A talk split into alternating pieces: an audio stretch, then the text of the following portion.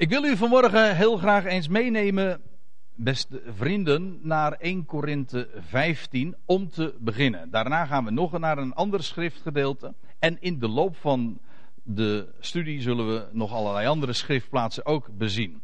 Maar ik wil u wijzen op het schriftwoord dat we in dit gedeelte ook vinden, 1 Korinthe 15, waar we lezen over overvloedig in het werk des Heren. Zo vinden we het in de MBG-vertaling. En ik heb er als thema gegeven overvloedig in het werk van de Heer.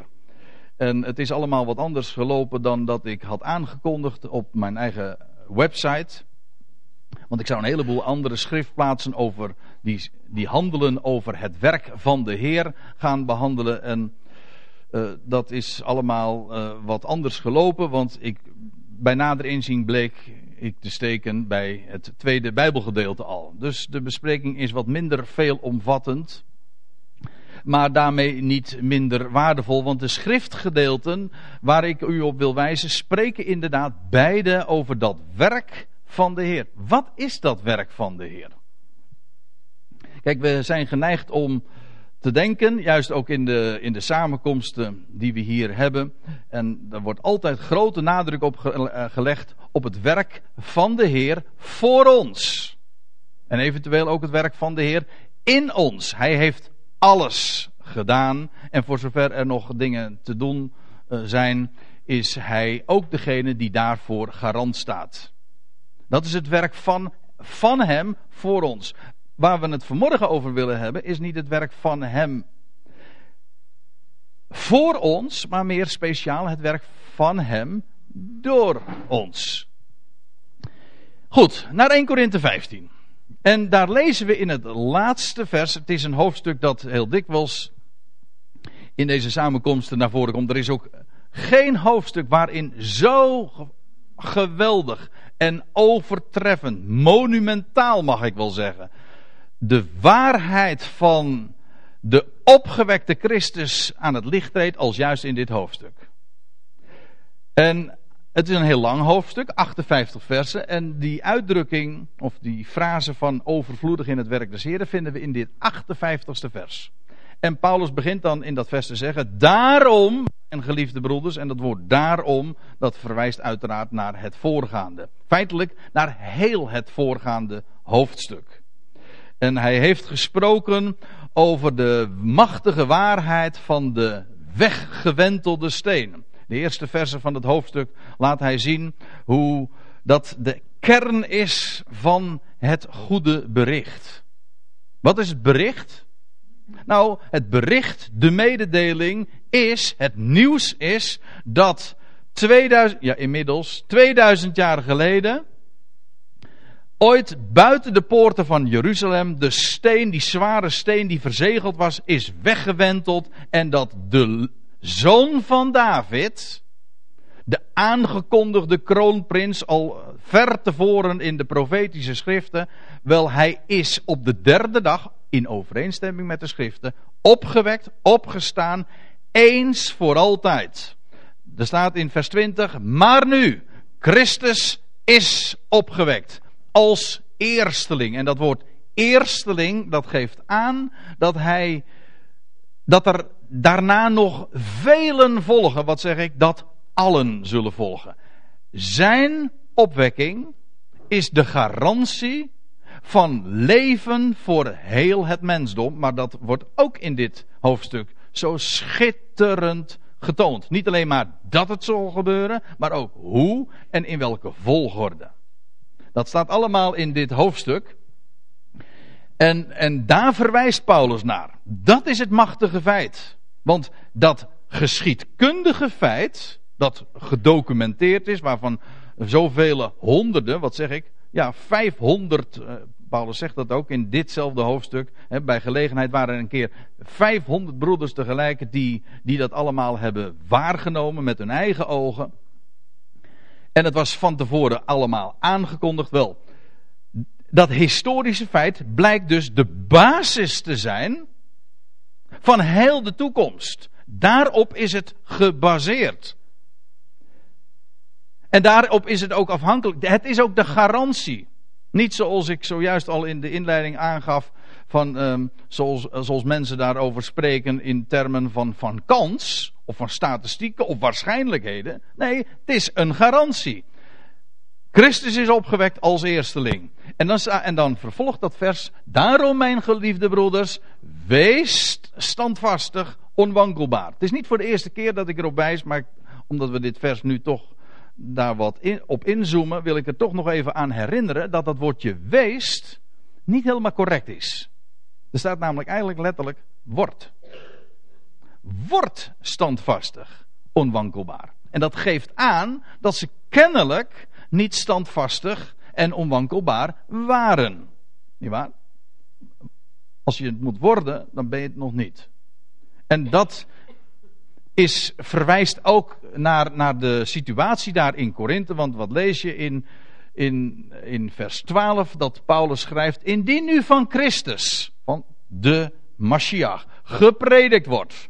Dat, gepredikt betekent niet, tussen twee haakjes, betekent niet vanaf de preekstoel of zo hoor. Maar betekent gewoon uitgeroepen, bekendgemaakt. Ge, eigenlijk het woord wat hier staat betekent herauten. Als dat geherouwd wordt, dat hij uit de doden is opgewekt. En nou komt het. Hoe komen sommigen onder u ertoe te zeggen, en kennelijk hadden ze, kregen ze succes met hun bewering. Hoe komen sommigen onder u ertoe te zeggen dat er geen opstanding der doden is? U verbaast zich misschien wel eens over de vreemde opvattingen die je zo in de christenheid de ronde doet, maar troost u, dat is niks nieuws. Dat was in Korinthe al niet anders. Het grote verschil met toen is, toen kon, er, toen kon Paulus de dingen nog rechtzetten. Inmiddels is de boel uh, in de christenheid als geheel gewoon bedorven. Dat is wel een, de grote tragiek. In de, het zuurdezem heeft het hele deeg doorzuurd. Maar neem niet weg, die opvatting uh, die, die leefde daar dus aanhalingstekens, in Korinthe. En nou ja, vandaar ook omdat men, men, men stond, men wist dat hij was opgestaan, maar niettemin liet men het oor hangen naar andersluidende beweringen. Want ja, als er geen opstanding der doden is, zegt Paulus ook, dan is dus Christus ook niet opgewekt. En als Christus niet is opgewekt, ja, dan is uw geloof ijdel. Nee, dan is onze prediking zonder inhoud en uw geloof ijdel betekent helemaal niets. Wat is ons geloof anders dan juist de overtuiging dat Hij is opgewekt? Niet bij wijze van spreken, of Hij leeft voort in, de, in onze harten, of wij blijven aan hem denken, zoals dat ook dikwijls op kansels verteld wordt. Heel vroom en met welsprekende woorden kan, kan, uh, kan de mensen zo een rat voor de ogen gedraaid worden. Want daarmee wordt namelijk gewoon het evangelie, het goede bericht, om, compleet om zeep geholpen. Het, hij is opgewekt. En Paulus zegt, word standvastig daarin. Ja, standvastig. Datzelfde woord, dat gebruikt hij in, in Colossense ook. In Colossense 1. Ik wil u er even op wijzen.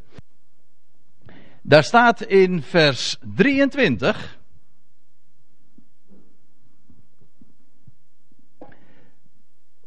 Nadat Paulus in het voorgaande had gesproken dat God door het bloed van het kruis het, het ganse, het, het, het, uh, het al, hemel en aarde zal verzoenen. Nou, en dan zegt hij uh, even later, indien ge slechts welgegrond en standvastig. Dit woord is exact hetzelfde als dit. Ja, ik bedoel niet alleen in het Nederlands, maar ook in het Grieks. Hetzelfde woord. Uh, indien ge slechts welgegrond, standvastig blijft. Wat betekent dat? Standvastig. Nou, hij zegt het erachteraan. Standvastig blijft in het geloof. Dat wil zeggen in het vertrouwen en u niet laat afbrengen van de hoop van het evangelie. Wat betekent standvastig? Dat betekent dat je je niet laat intimideren door andersluidende beweringen. Of door, ja, door allerlei, zo, wordt dat ook uh, genoemd in de brieven. Hè, door allerlei wind van leer. Er komt zoveel op je af. Er wordt zoveel gezegd. Maar blijf solide. Staan. Laat je niet afbrengen van die boodschap. Dat fundament, het goede bericht en alles wat daarvan het gevolg is, de consequenties. En, en Paulus heeft het in wezen over het hetzelfde als in, hier in Colossense 1 als in 1 Korinthe 15. Want het gaat om het evangelie. Namelijk de hoop, de verwachting van het evangelie. Die vast en zeker is. Blijf daarop staan. Hij zegt, laat je er niet van afbrengen van die hoop van het evangelie. Dat gij gehoord hebt en dat verkondigd is in de ganse schepping onder de hemel. Of letterlijk staat er dat verkondigd wordt. Heb je het weer. Niet verkondigd is, alsof dat toen in Paulus' dagen dat hij dit opschreef al een feit was. Nee, het wordt verkondigd in de ganse schepping onder de hemel waarvan ik, zegt Paulus, waarvan ik, Paulus, een dienaar geworden ben. Wil zeggen, aan hem was die unieke bediening om die hoop van het evangelie wereldwijd te verkondigen toevertrouwd. Nou, blijf daarin staan. Trouwens, ik wil op, nog een schriftplaats wijzen, want er staat in vers van het navolgende hoofdstuk, en nou ben ik even weer terug in 1 Korinthe. In 1 Korinthe 16, daar eindigt Paulus, dat zijn ongeveer zijn slotwoorden, dan zegt hij, blijft waakzaam. Staat in het geloof. Niet in werken, maar in geloof. Dat wil zeggen, God heeft gesproken. God heeft beloofd. God heeft verteld wie hij is. hij zegt, sta daarin. Blijf daar ook in staan. wees mannelijk. Er staat een woord waar ik altijd aan moet denken. Want er staat mijn eigen naam nog een beetje in. Ja, daarom vergeet ik dat nooit. Ik heb niet zoveel verstand van, eh, van Grieks hoor. Dat denkt u misschien wel, maar dat valt uh, bitter tegen. Mij valt het tegen. Maar uh, daar staat eigenlijk, ik, heb, ik kan dat misschien wel vertellen. Ik was ooit, ik was als klein ventje, kwam de predikant bij ons op bezoek. Dat was een man die gaf aan de universiteit ook les in klassieke talen, in Latijn, maar ook in het Grieks. En toen, hij was voor het eerst bij ons en ik, nou, mijn ouders hadden gezegd, nou stel je eventjes voor. En dus ik geef die dominee Prins, zo heette de man, een hand. En hij zegt, hoe heet, hoe, hoe heet jij jongeman? En toen zei ik André. Oh, André. dat komt van het Griekse Andreos. Dat betekent mannelijk, sterk, dapper. Nou, die man die kon natuurlijk zijn hele nooit meer iets, iets verkeerd doen, hè? ja. Ja, in ieder geval, wees mannelijk. Eh, wat betekent dat? Nou, dat standvastig, dat heeft dus te maken. Blijf erop staan. Laat je er niet van afbrengen. Wees alert daarop. Het is niet zo een kwestie van, nou ik heb ooit mijn fiat daar aangegeven in de zin van, ik heb ooit uh, gezegd van, uh, ik geloof dat. En nou ja, en that's it. Nee, dat is niet, dat is niet standvast. Standvast wil zeggen dat je erop staat en dat je er ook voor staat. Hè? Zoals we dat dan in het Nederlands zeggen. Daar alert op bent. Telkens weer, als je, ik vind het erg mooi om het zo te zeggen. Als je s'morgens opstaat om juist op te staan. Hè, na een nacht. En dan sta je op en dan, en dan ben je waakzaam, alert, wakker. En je ben je bewust van deze waarheid. Het goede bericht van God. En dat hij bekend heeft laten maken door apostel Paulus. Nou, hij zegt, wees standvastig, onwankelbaar. En, dan, en nou komt het. Want nu komen we, komen we op dat, die frase die als titel stond afgebeeld. Te alle tijden, staat er, overvloedig in het werk des Heren. En ik blijf het altijd zo mooi vinden. Zoals Paulus dat hier ook formuleert, omdat dit namelijk precies ook weer uitdrukt wat de waarheid is die hij overal in zijn brieven, uh, waar hij verslag van doet en wat, wat hij uitbazuint. Het gaat namelijk om het werk van de Heer. Niet zoals je misschien zou kunnen concluderen. Je oh, overvloedig in het werk des Heren betekent gewoon dus het werk voor hem. Het jagen en jachten. Je, we worden opgeroepen om alert te zijn. Maar nu moeten we ook uh, actief worden voor de Heer. Nee, dat staat er niet. Er staat overvloedig in het werk van de Heer. Niet voor, maar van de Heer. En dat betekent dus dat we overvloedig worden in zijn werk. Het gaat niet om ons werk, het gaat om zijn werk, beste mensen. Hij werkt.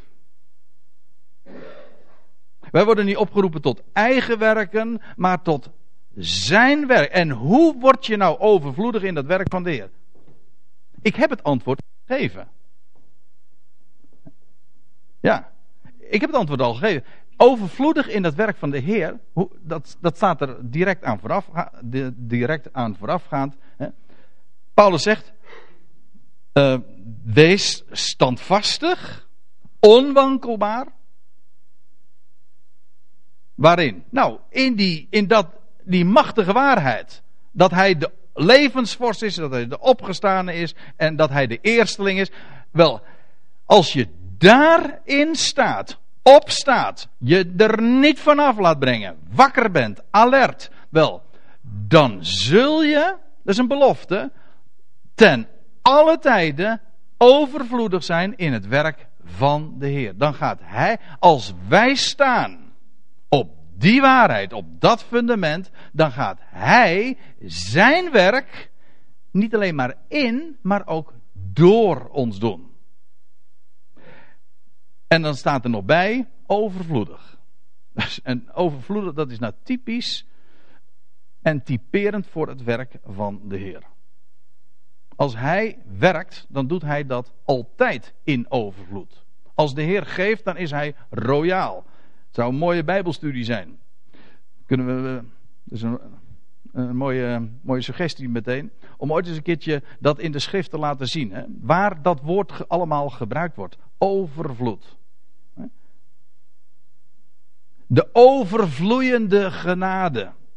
Waar Paulus over spreekt. De Heer geeft niet mondjesmaat, maar hij geeft royaal. Overvloedig.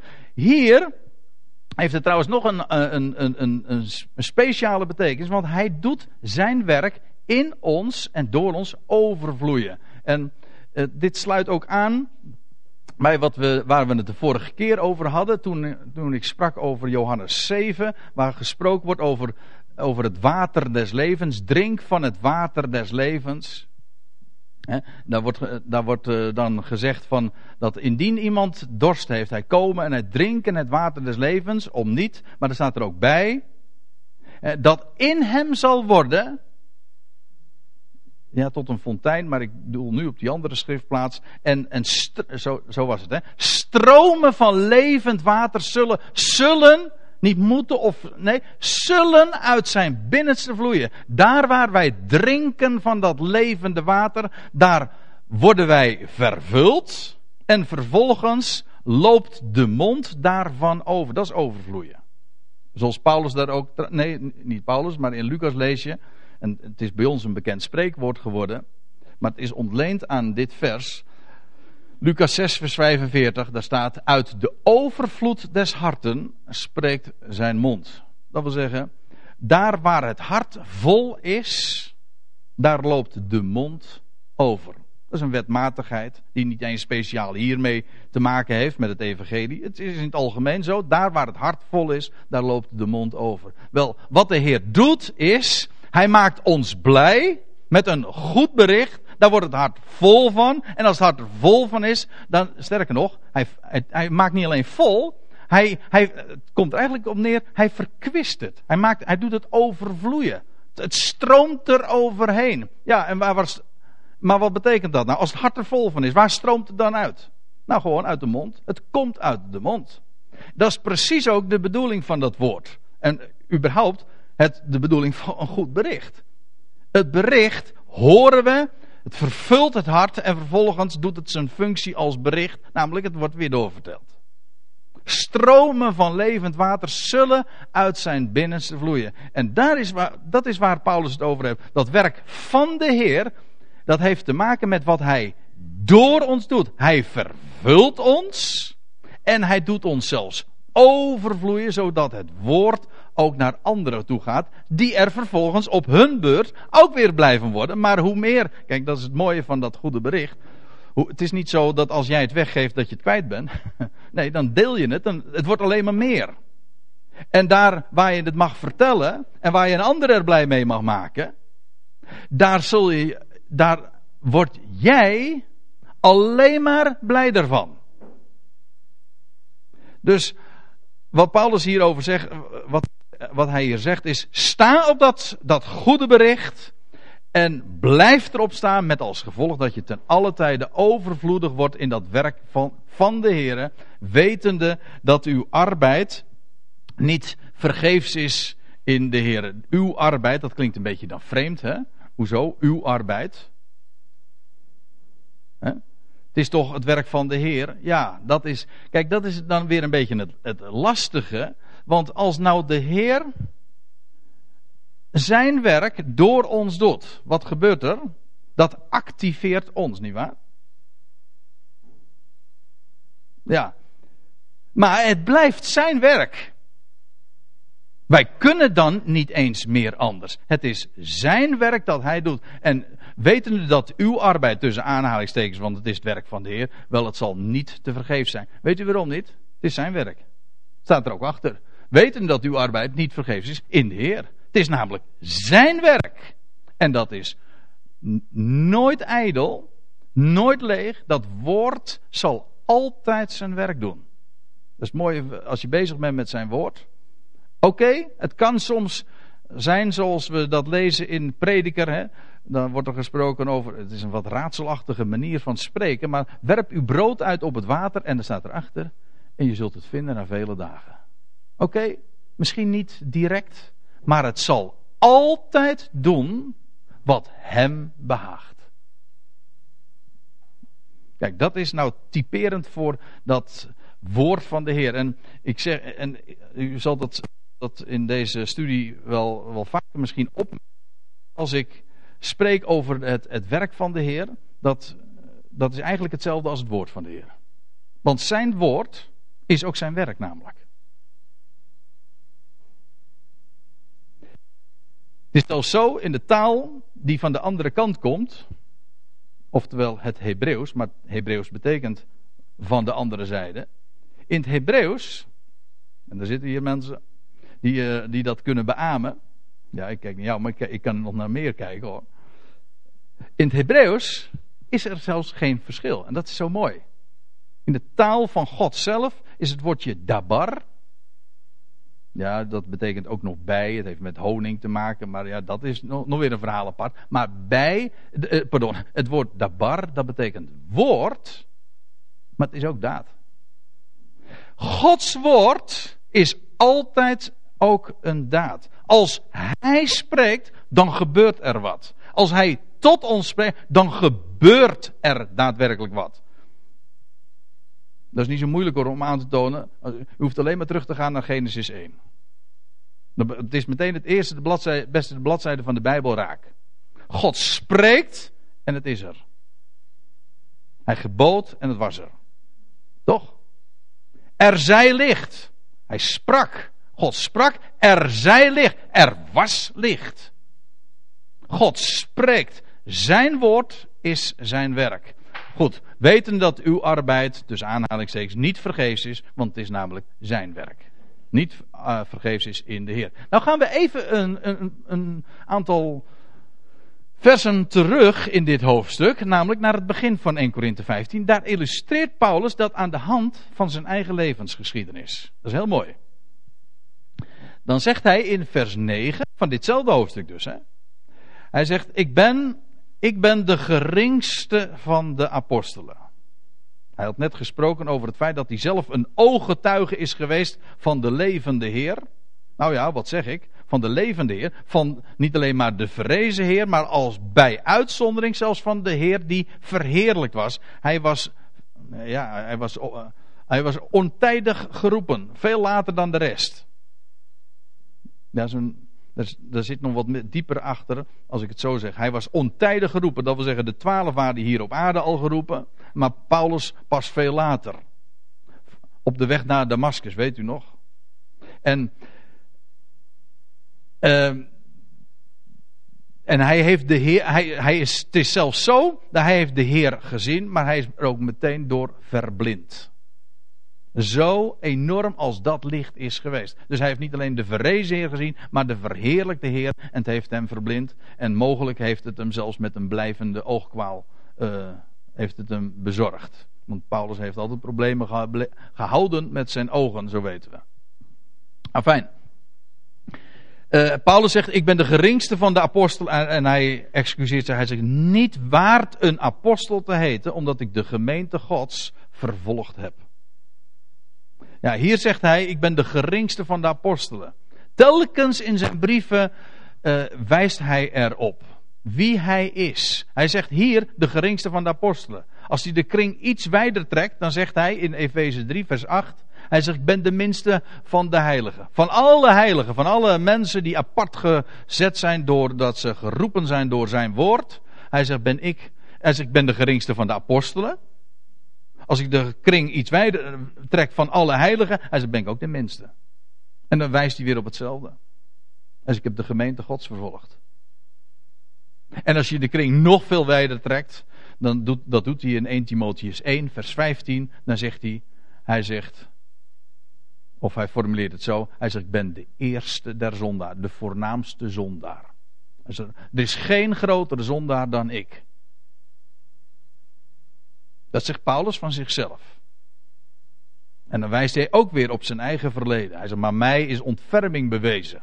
Overvloedig. Paulus is namelijk overweldigd. Ik had het net over overvloed van genade. Maar Paulus is ook overweldigd door de genade van God. Er werd niet aan Paulus gevraagd van wat, wat is jouw keuze nou? Wat ga je nu doen? Nee, hij is gewoon in zijn kraag gegrepen. Hij kon niet eens anders. Kijk, dat is Gods, ik zei Gods woord is zijn werk. Maar God heeft hem overweldigd. Hoezo vrije wil? Heeft Paulus voor hem gekozen? Nee, natuurlijk helemaal niet zelfs. Want hij was een tegenstander. Maar hij is overweldigd door de waarheid, door zijn woord. En als God het doet, dan doet hij het meteen goed. Maar het gaat me nu even om dat Paulus daarmee ook een embleem is. Een wandelend embleem van genade. Hij zegt, ik ben de geringste van de apostelen, de minste van de heiligen. En sterker nog, van alle mensen. Alle, alle mensen zijn zondaren. Hij zegt, maar van al die zondaren ben ik nog de grootste. Dat betekent dus dat als God mij kan redden. Dat was zijn boodschap, hè? Als God mij kan redden. Nee, als God mij redt, dan redt hij dus alle mensen. En dat was zijn boodschap. Van overvloeiende genade. De geringste van apostelen niet waard een apostel te heten omdat ik die gemeente gods vervolgd heb. En dan vervolgt hij, en daar, daar komt het vers waar ik eigenlijk eventjes speciaal een, een vette streep onder wil zetten. Dan vervolgt Paulus, maar zegt hij, door de genade van God ben ik wat ik ben. Kijk, dat maakt een mens onaantastbaar. Paulus wijst op zijn verleden. Hij is zich daar zijn hele leven pijnlijk van bewust geweest. Hij zegt, en toch, hij zegt, het is Gods genade. Genade betekent dat het om niet is, maar genade heeft ook te maken met, met vreugde. Het grondwoord charis betekent vreugde. Wel, God heeft hem blij gemaakt. Puur om niet. Hij zegt, en dat heeft mij gemaakt wie ik ben. Kijk, Gods genade, dat is wel. Het is geen uh, formulering van mezelf, maar ik hoorde. Ik, heb hem ooit eens zo opgepakt en ik denk dat het heel trefzeker aangeeft wat het is. Gods genade aanvaardt mij zoals ik ben. Dat is in tegenstelling tot de wet. Hè? De wet, de wet veroordeelt. Als je niet doet wat er staat, dan ben je veroordeeld. Maar Gods genade aanvaardt je altijd zoals je bent. En hij was de grootste der zondaren, maar Gods genade heeft hem aangenomen. Sterker nog, vreugde, niet alleen maar geaccepteerd, maar vreugde bewezen. Mooi als je hier zo vrij rond kan lopen. Toch? Ja.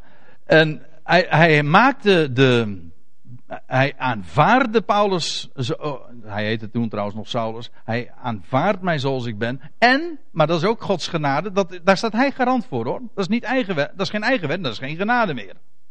Nee, hij aanvaardt mij zoals ik ben. En hij maakt mij zoals hij wil. Dat is zijn werk. Nou, Paulus zegt, en door de genade van God ben ik wat ik ben. Nou, en dan zegt hij erbij, en zijn genade aan mij is niet vergeefs geweest. Dat is geen ode aan hemzelf hoor. Dat is een ode aan hem. Hij zegt, zijn genade aan mij is niet vergeefs geweest. Hoezo? Nou, hij zegt, ik heb meer gearbeid dan zij allen. Die zij, dat, is, dat doelt hij op de twaalf. En die, hebben, die twaalf die hebben wat gearbeid hoor, om het goede bericht door te geven. Maar Paulus zegt, ik, was, ik ben niet waard een apostel te heten. Absoluut, hij erkent het. Maar hij zegt, Gods genade is niet vergeefs geweest. Het is, hij kreeg de grootste genade. En waaruit bleek dat? Wel, God doet, heeft zijn werk overvloedig in hem gedaan. Hij zegt, ik heb meer gearbeid dan zij allen. Ik wijs er nu ook even op. Weet u waarom? Omdat, kijk, je zou een, een top 10 kunnen samenstellen van bezwaren en kritiek op de boodschap van Gods genade. Ik heb ooit eens een keertje een, een, voor mezelf eens een lijstje gemaakt wat er zo al tegen ingebracht wordt. Ja, dat zal maar makkelijk zijn. Hm, dat is, dat is een, een bezwaar. Volgens mij is het een aanbeveling, maar goed. Het wordt geuit als een bezwaar. Maar een andere is. Een andere veelgehoorde tegenwerping is. Genadeprediking, dat is gevaarlijk. Daar hebben ze trouwens ook gelijk in. Genadeprediking is heel gevaarlijk. Want ja, daar waar, waar je spreekt over genade, kan misbruikt worden. Tuurlijk. Maar is het daarom minder waar? Omdat gevaar is minder waar? Nee, het is waarheid. Het is gevaar, het is levensgevaarlijk, maar vertel het maar. En men zegt van ja, het maakt passief. Daar moet, je, moet ik echt om lachen. Want bij uitstek degene die een wandelend embleem was van Gods genade. Hij, hij getuigt dat keer op keer. Hij zegt, maar juist hij is het die zegt, Gods genade, hij zegt, die heeft mij gemaakt wat ik ben. Hij zegt, zijn genade aan mij is niet vergeefs geweest. Hij zegt, want ik heb meer gearbeid dan zij allen. En dat was helemaal geen eigendom, maar hij kon helemaal niet anders. Hij werd niet gedwongen, zoals, hij werd, eh, zoals 2 Korinthe 5 dat zegt, de liefde van Christus dringt mij. Hij kon niet eens anders. Hij kon er niet van zwijgen. En Paulus is overal naartoe gegaan. En hij heeft gesproken. En het heeft hem heel veel gekost hoor. Het heeft hem heel veel vijandschap opgeleverd. Het heeft hem weinig roem opgeleverd. Sterker nog helemaal niet. Hij, hiertoe werd hij heeft hij gearbeid. Hè? Staat, andere vertalingen zeggen hebben gezwoegd. Hiertoe zwoegen wij, hebben wij gezwoegd en worden we gesmaad. Omdat we onze hoop gevestigd hebben. Waarom? waarom werd hij versmaad? En waarom arbeidde hij? Omdat hij zijn hoop gevestigd had op de levende God, die een redder is van alle mensen. Speciaal van degenen die geloven. Want degenen die geloven, die dit beamen, wel daar bewijst God zijn redding en genade des te overvloediger. Kijk, Paulus zegt: Ik heb meer gearbeid dan zij allen. Kijk, dat is dus het werk dat hij door je heen gaat doen. Hoezo passief? Het gaat ons dringen. Het vervult ons. Dat is wat Gods genade doet. Het vervult ons. Het doet overvloeien. En Paulus getuigt er hiervan. Hij zegt: uh, Ik heb meer gearbeid dan zij allen. Hij zegt: Maar dat ben niet ik. Het was helemaal niet. Het was ook niet zo dat Paulus dat moest. Hij kon niet anders. Hij Het is de genade van God. Het is de vreugde van hem. Als je het even, even gewoon naar zijn basisbetekenis terug, terugbrengt, dan zeggen het is zijn vreugde in mij. Hè? Ja, die met mij is, die, die mij gemaakt heeft tot wat ik ben. Ja, goed. Nou gaan we eventjes naar dat andere gedeelte waar ik u ook graag op wilde wijzen. Filippenzen 2.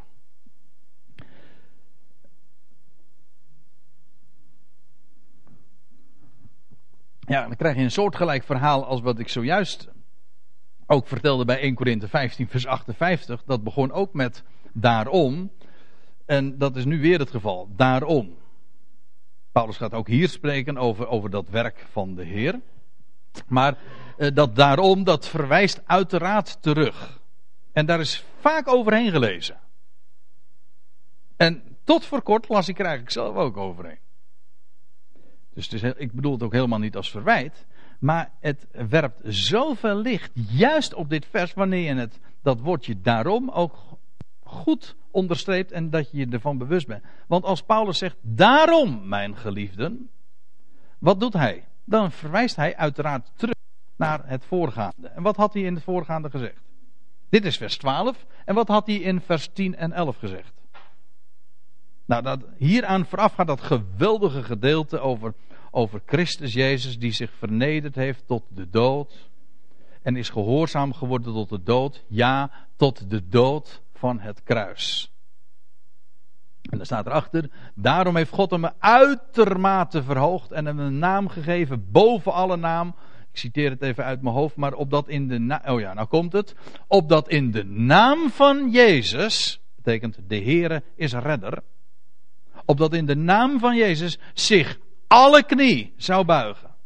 Van hen die in de hemel, hen die op de aarde en hen die onder de aarde zijn. Meer smaken zijn er niet. Daar heb je namelijk het, alle creatuur mee ingesloten. In de hemel, op de aarde, onder de aarde. Opdat elke knie zou buigen van hen die in de hemel, die op de aarde, die onder de aarde zijn. En alle tong, niet de lippen. Een lippendienst, daar is de Heer niet van gediend. Nee, de tong, dat zit er binnen. Alle tong zou beleiden. Hier staat letterlijk een woord. En voor degenen die hier vaker komen, die is, dat, is dat geen geheim. Maar letterlijk staat hier ex homologeo. En dat woordje ex. Dat betekent, dat weten we allemaal, hè? dat betekent uit. Van binnenuit. Expressie betekent druk van binnenuit. Ja, de druk kan er ook uit zijn en dan is het expressie. Maar, nou goed, in beide gevallen is het uit. Kijk, de, uh, dat woord wat hier gebruikt wordt, dat ex, geeft aan dat het van, het is een beleidenis van binnenuit. Ik zeg, ik benadruk dat. Niet eens omdat het zo per se zo nodig is, omdat het hele verband al aan, uh, heel duidelijk laat zien wat er gezegd wordt. Maar ja, ook weer om andersluidende beweringen. Die zeggen van ja, de, uh, er komt een moment dat, dat, dat alle mensen dat wel zullen moeten toegeven. Dat Jezus Heer is. Maar dat staat er niet. Oh, men heeft zoveel in het werk gesteld om, om de machtige betekenis van deze woorden te verdraaien en, en, en te nivelleren tot, ja, tot de traditionele betekenissen die men eraan toekent. Kijk, maar wat er staat is, en alle tong zou van binnenuit zou beleiden, Jezus Christus is Heer, tot eer van God de Vader. Dat wat wij nu al mogen weten, wat je tot een gelovige maakt. Als je met je hart gelooft en met je mond beleidt dat Jezus Heer is, dan ben je een gelovige. Maar er komt een moment dat elke knie gaat buigen en dat elke tong van binnenuit zal roepen: Hij is Heer. En er staat er nog bij, voor, de, voor degenen die denken van ja, ze zijn gedwongen, er staat er nog bij, tot eer van God de Vader. God de Vader. Als Vader zal Hij verheerlijkt zijn in die universele beleidenis, erkenning van Hij, van zijn, wie zijn zoon is. En zijn zoon heeft de en door dat werk van het kruis en heeft God laten zien hoeveel Hij van deze wereld houdt. En het zal elk hart, elk mens, elk creatuur bereiken en veranderen. Kortom, dit is de uitkomst van de geschiedenis. Er komt een moment dat alles en iedereen in de hemel, op de aarde, onder de aarde, tot deze hartelijke erkenning komt. Tot, tot eer van God de Vader. Nou, en als Paulus dit geschreven heeft, dan zegt hij: Daarom, mijn geliefde. Let erop. Daarom, mijn geliefde gelijk gij ten alle tijden gehoorzaam zijt geweest, dat wil zeggen gehoor hebt gegeven, uh, ten, ten alle tijde gehoorzaam zijt geweest, blijft niet alleen zoals in mijn tegenwoordigheid, schrijft hij aan die Filippiërs, maar nu des te meer bij mijn afwezigheid. Dat geldt voor ons ook. Hè. Paulus is nu ook niet meer aanwezig. Uh, hij is nu afwezig. Hij, en dan zegt hij: Uw behoudenis bewerken. Oh, ik weet. Hier, is de, hier zijn de stuipen mee op het lijf gejaagd van zoveel mensen. want die behoudenis is niet zeker. Die behoudenis moet een mens zelf bewerken. En nou, nou had men, heeft men een woord zelfs gevonden in, in de geschriften van Paulus. Zie je wel, je behoudenis bewerken is niet zeker. Moet je nagaan, hè? Wat Paulus juist had geschreven in het voorgaande. Hij had net gesproken, hij had net in het voorgaande vers gezegd, en zelfs daarop aangehaakt door te zeggen van, daarom mijn geliefde, omdat die, behoud, die behoudenis is namelijk zeker. Is geen kwestie, ook hier weer geen kwestie van kans. Hangt niet af van de keuze van de mens. De vrije wil. Whatever that may be, zeggen de Engelsen dan. Hè? Wat is die vrije wil? Natuurlijk heeft de mens een wil. Maar hoe vrij is die dan? Heeft de schepper daar geen beschikking over of zo? Nee, die behoudenis is zeker. En wat, dat, wat hij trouwens met dat bewerken of dat uitwerken bedoelt, wel, dat zullen we straks zien. Maar het gaat mij nu eventjes om, om wat er nog bij staat. Want dat, ik zei al, uh, de stuipen op het lijf gejaagd. Nou, dat klopt wel, want hij schrijft er namelijk ook bij: uw behoudenis bewerken met vrezen en beven. Ja. En dat is leuk, hè? Maar want Paulus gebruikt hier twee woorden dat we allemaal nog wel kennen. En daar word je bang van hoor. Want eh, dat woord vrezen, dat is in het Griekse woord phobos. En daar komt ons woord fobie vandaan. Het woordje beven, dat, komt van het Griekse woord, dat is het Griekse woord tromos. En ons woord trauma komt daar vandaan. Dus als Paulus hier spreekt over uw behoudenis bewerken met vrezen en beven, dan, gaat, dan heeft hij het dus inderdaad over met siddering. Voor wat? Voor dit? Voor de hel, zoals dat altijd verteld is? Blijf je behoudenis bewerken? En dat wordt dan in de van in de christelijke kerken wordt dat op verschillende manieren dan uitgelegd. En dat kan het betekenen van, dan worden mensen juist heel erg aan het werk gezet. Want ja, die behoudenis is niet zeker. Want dan aan het einde zou dit kunnen, kunnen volgen. Daar ben je dus nooit zeker van. Andere mensen die leggen dat anders uit. In de, mensen die vandaag in het zwarte pak naar, naar uh, ter kerken zijn gegaan, die krijgen dat dan te horen van ja, we zouden vrezen en beven. Dat zijn woorden die, die, uh, die bij hen ook uh, telkens weer in de oren klinken. En het wordt van de kansel gepredikt. Vrezen en beven. Ja, waarom? Vanwege de hel? Dan denk je wat een verdraaiing, hè? Paulus had notabene zojuist in het voorgaande vers gezegd van dat heel de schepping, elk creatuur van binnenuit zal erkennen dat Jezus Heer is. Dat wat wij nu weten, zal eens elk schepsel weten en blij getuigen. En notabene, eh, en dan haalt men dit eruit en dan, en om de mensen onzeker te maken en, en, en bang te maken met de hel. Maar dat is het natuurlijk helemaal niet. Weet u waar, eh, waar we voor zouden zidderen? Voor de God. Niet in, niet in angst. Maar dat we zouden sidderen voor de God die alles beschikt. En die elke knie zal doen buigen. En elke tong zal doen beleiden dat hij, zijn zoon Heer is. En meester. En overwinnaar. Triomfator. Weet je waarvoor we zouden sidderen? Met vrezen en beven om dit te ontkennen en dit te verzwijgen. Daarvoor zouden we zitteren. Dat meen ik bloedserieus. Men heeft het helemaal verdraaid. Men heeft dit vrezen en beven gemaakt alsof het zou spreken van de hel. Terwijl Paulus nu juist had gesproken over de God die alles beschikt. Ik kom daar straks trouwens op terug. Maar de God die juist alles en elk schepsel daar gaat brengen waar hij het hebben wil. Daarvoor zouden we zitten, we zouden sidderen om dat te verzwijgen. En het niet en te ontkennen, wat men allerwege doet. De God die wij kennen is zo groot, zo ontzagwekkend. Ja, dat zie je in zijn hele, in, in, in de machtige creaties, in, dat, in, in, in het scheppingswerk wat hij tot stand heeft gebracht. dat is zo enorm. Maar dat wat hij gaat bewerken in dat, dat plan der Ionen, dat zijn, de uitkomst vaststaat en dat de hele de schepping zal juichen tot zijn eer, dat is zo groot. Dat is zo onvoorstelbaar rijk. Daar, dat doet een mens, als je daar werkelijk bij stilstaat, dan doet het je zitteren voor zo'n God.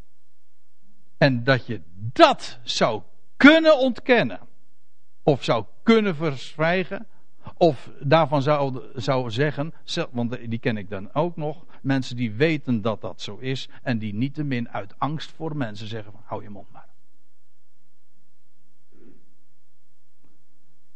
Dan zou, dan zeg ik met de apostel, zidder, vre, met vrezen en beven. Dat staat trouwens achter, hè? Want we hoeven dat helemaal niet te verklaren hoor. Hoezo vrezen en beven? Nou, dan volgt het woordje want. En wat zegt Paulus dan? Want het is God die om zijn welbehagen zowel het willen als het werken werkt. Nou, we hadden het eerder, deze samenkomst, over, dat, over de vrije wil van de mensen. Wat blijft daar in dit licht van over? Helemaal niets. In het voorgaande vers was al helemaal duidelijk waar God elke creatuur gaat brengen. Ja, maar een mens is toch geen, geen, geen robot. Dat kreeg ik van de week ook te horen. Een mens is toch geen robot? Dat is zo leuk. Hè? Dat mensen zulke bezwaren. Zij, dat zijn mensen die een godje hebben. Die dus ook niet kunnen zidderen voor die machtige God. Die, die alles beschikt en bewerkt naar zijn voornemen. Dat wat zijn liefde wil bewerken, ontzegt hem zijn vermogen niet. We zijn geen robot. En dan zeg ik het, uh, onze vriend uh, Martin Zender in Amerika, maar na, best, die, zegt, die zegt als hem dat wordt tegengeworpen, het is nog veel erger. We zijn geen robot. We zijn, wat, wat, wat verbeeldt u zich? We zijn klei in zijn handen. Nog veel minder. Want een robot die kan nog allerlei dingen gaan doen waar die, die zijn programmeur zeg maar versteld doen staan. Maar we zijn klei in de hand van de pottenbakker. En hij vormt ons naar zijn wil. Als je niet gelooft wil, moet je maar eens lezen van wat Paulus schrijft in Romeinen 9. Over die pottenbakker. Die vaten maakt ter eer, maar ook ten oneer, doet hij ook allemaal hoor. Allemaal om zijn welbagen. En hij excuseert zich niet. Hij is God. En hij doet wat hij wil. En niets en niemand kan hem daarvan afbrengen. Dat is de God. En die, dat hele idee van die vrije wil is zo heidens, zo afgodisch. Ik, ik, wil er nog wel meer negatieve predicaten aan toevoegen hoor. Maar, al, ja, als het maar kan, ja. Doe ik niet. Het betekent namelijk dat het, dat idee van die vrijheid, maar een mens moet wel kiezen. Daarmee draai je het evangelie de nek om. Want het evangelie is juist de boodschap dat er een God is, één God is, Hij beschikt. En voor deze God zouden we inderdaad vrezen, zidderen, omdat Hij dat alles bewerkt. Hoe machtig is het? Maar het is inderdaad, ehm, het, is, het is vreselijk wat men met deze boodschap heeft gedaan. God is het die om zijn welbagen het willen en het werken werkt. God werkt in ons, het willen. En hij werkt ook door ons, het werken. En dan komt de vraag, waar blijft dan het roemen? En Paulus zegt dan altijd, het is uitgesloten. Ja, want als ik iets wil, dan is dat niet mijn werk. Als ik iets uitwerk, is het ook evenmin mijn, uh, is het evenmin mijn eer. Nee, het is alles zijn welwagen en zijn werk. En dan staat, en dan eh, vind ik zo mooi, eh, dan wil ik, wil die paar versen nog eventjes lezen. Dan staat er nog, wordt er aan toegevoegd, doet alles zonder morren. Staat er direct achteraan. Of zoals andere vertalingen hebben, murmureren. Dat is een wat oudere Nederlands woord. Mopperen.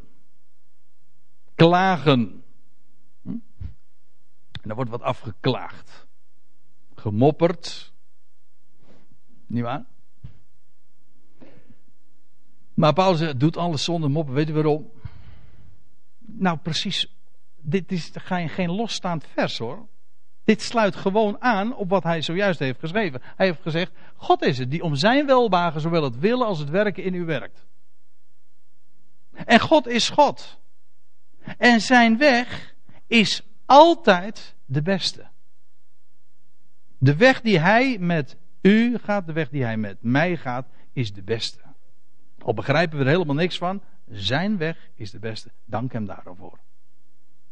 Het is hier negatief geformuleerd van doet alles zonder morren. Elders zegt hij, wees dankbaar. Dank hem. Dat hij jouw leven leidt naar zijn glorieus doel. Dank hem daarvoor. Zijn weg is de beste. Opdat ge onberispelijk en onbesmet mag zijn. Waarom? Nou, gewoon om deze reden. Als je hem dankt in alles. En zo je weg, je, je, je levensweg gaat. Dat van, van, van, de, van de vroege ochtend tot de late avond. Zij in de overtuiging, want dat verandert toch niet. Ik bedoel, onze emoties dat kan, en, je, en je beleving dat kan zomaar fluctueren. En dat kan soms hier, dan zo, soms daar zijn. Maar de overtuiging dat zijn de weg de beste is, dat, dat staat toch? Nou, leef er dan gewoon uit. He? Opdat je onberispelijk en onbesmet mogen zijn. Onberispelijk betekent ja, zoals dat ons woord eigenlijk ook aangeeft, niks op aan te merken. Dat zijn werk, hè?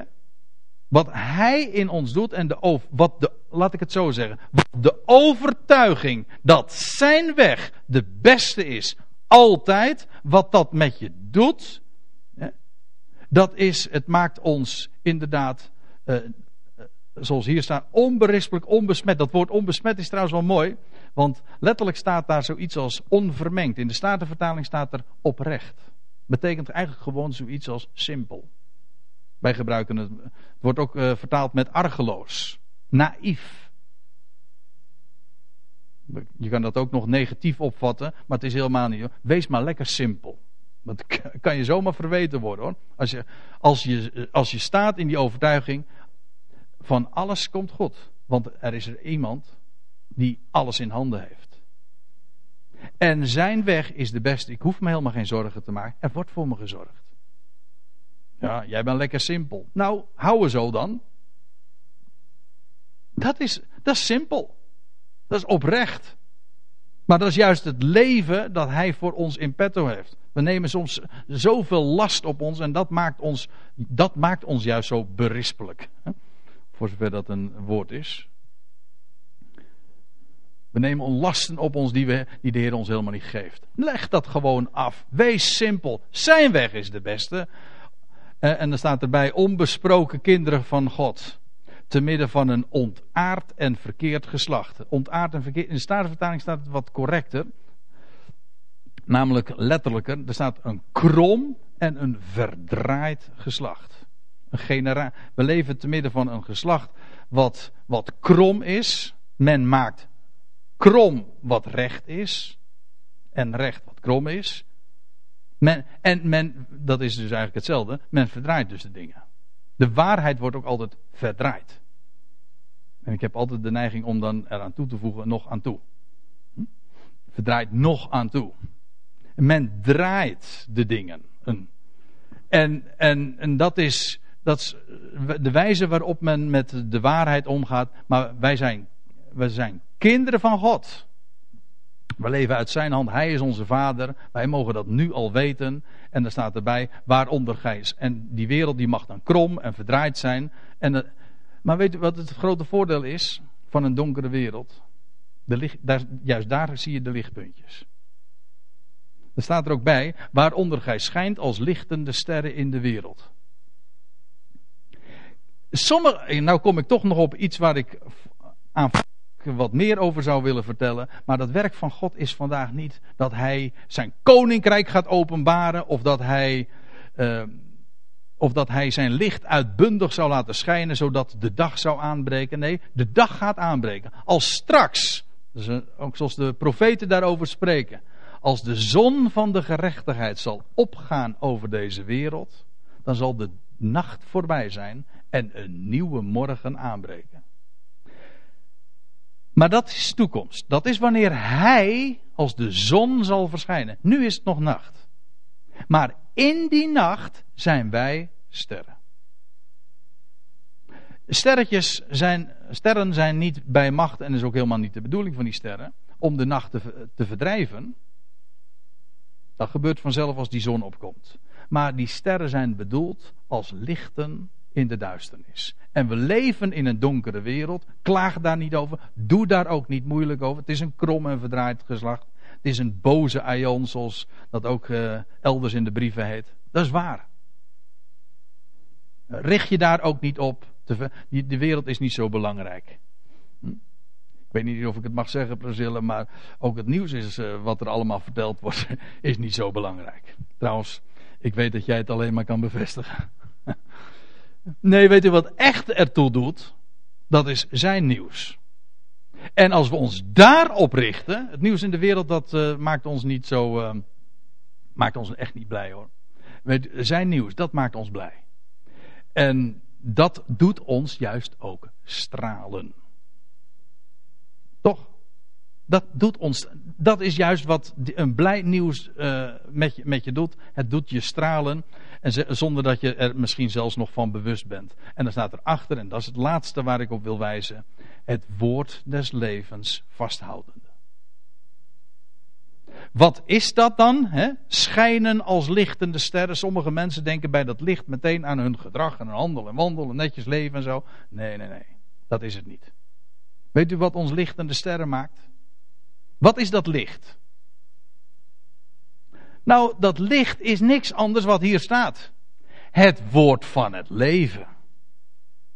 Het levende woord, zou je ook kunnen zeggen. Maar het is het woord aangaande het leven, aangaande de levende God, aangaande de levensvorst, aangaande het leven dat zal triomferen, waardoor de dood niet gedaan zal worden. Dat is het woord. Dat is het licht. Dat kan iedereen, kunnen we iedereen vertellen. Of ze het nou horen willen of niet, maar het is goed nieuws. Dat kan niet ontkend worden. Het is het beste wat je eh, kunt, uh, kunt vertellen. Het is woord van leven. En er staat er, achter, er staat in onze vertaling vasthoudende. Maar weet u wat er eigenlijk staat? In, er staat letterlijk ophoudende. Gewoon hoog houden. Of zoals de Statenvertaling zegt, ik denk dat dat het beste weergeeft, voorhouden. Lichtende sterren. Hoezo? Wel, we hebben licht. En daarom stralen we ook natuurlijk. Hè? Dat woord is een woord van genade. Dat doet stralen. En dat is ook precies wat we andere mensen mogen voorhouden. Want waarom zouden we zelf dat goede bericht mogen kennen? En het een ander, wat ons zelf zo blij maakt en een ander het te onthouden. Waaronder wij mogen schijnen in deze wereld, te midden van een krom en een verdraaid geslacht, als lichtende sterren in deze wereld. Het woord van leven vasthoudende.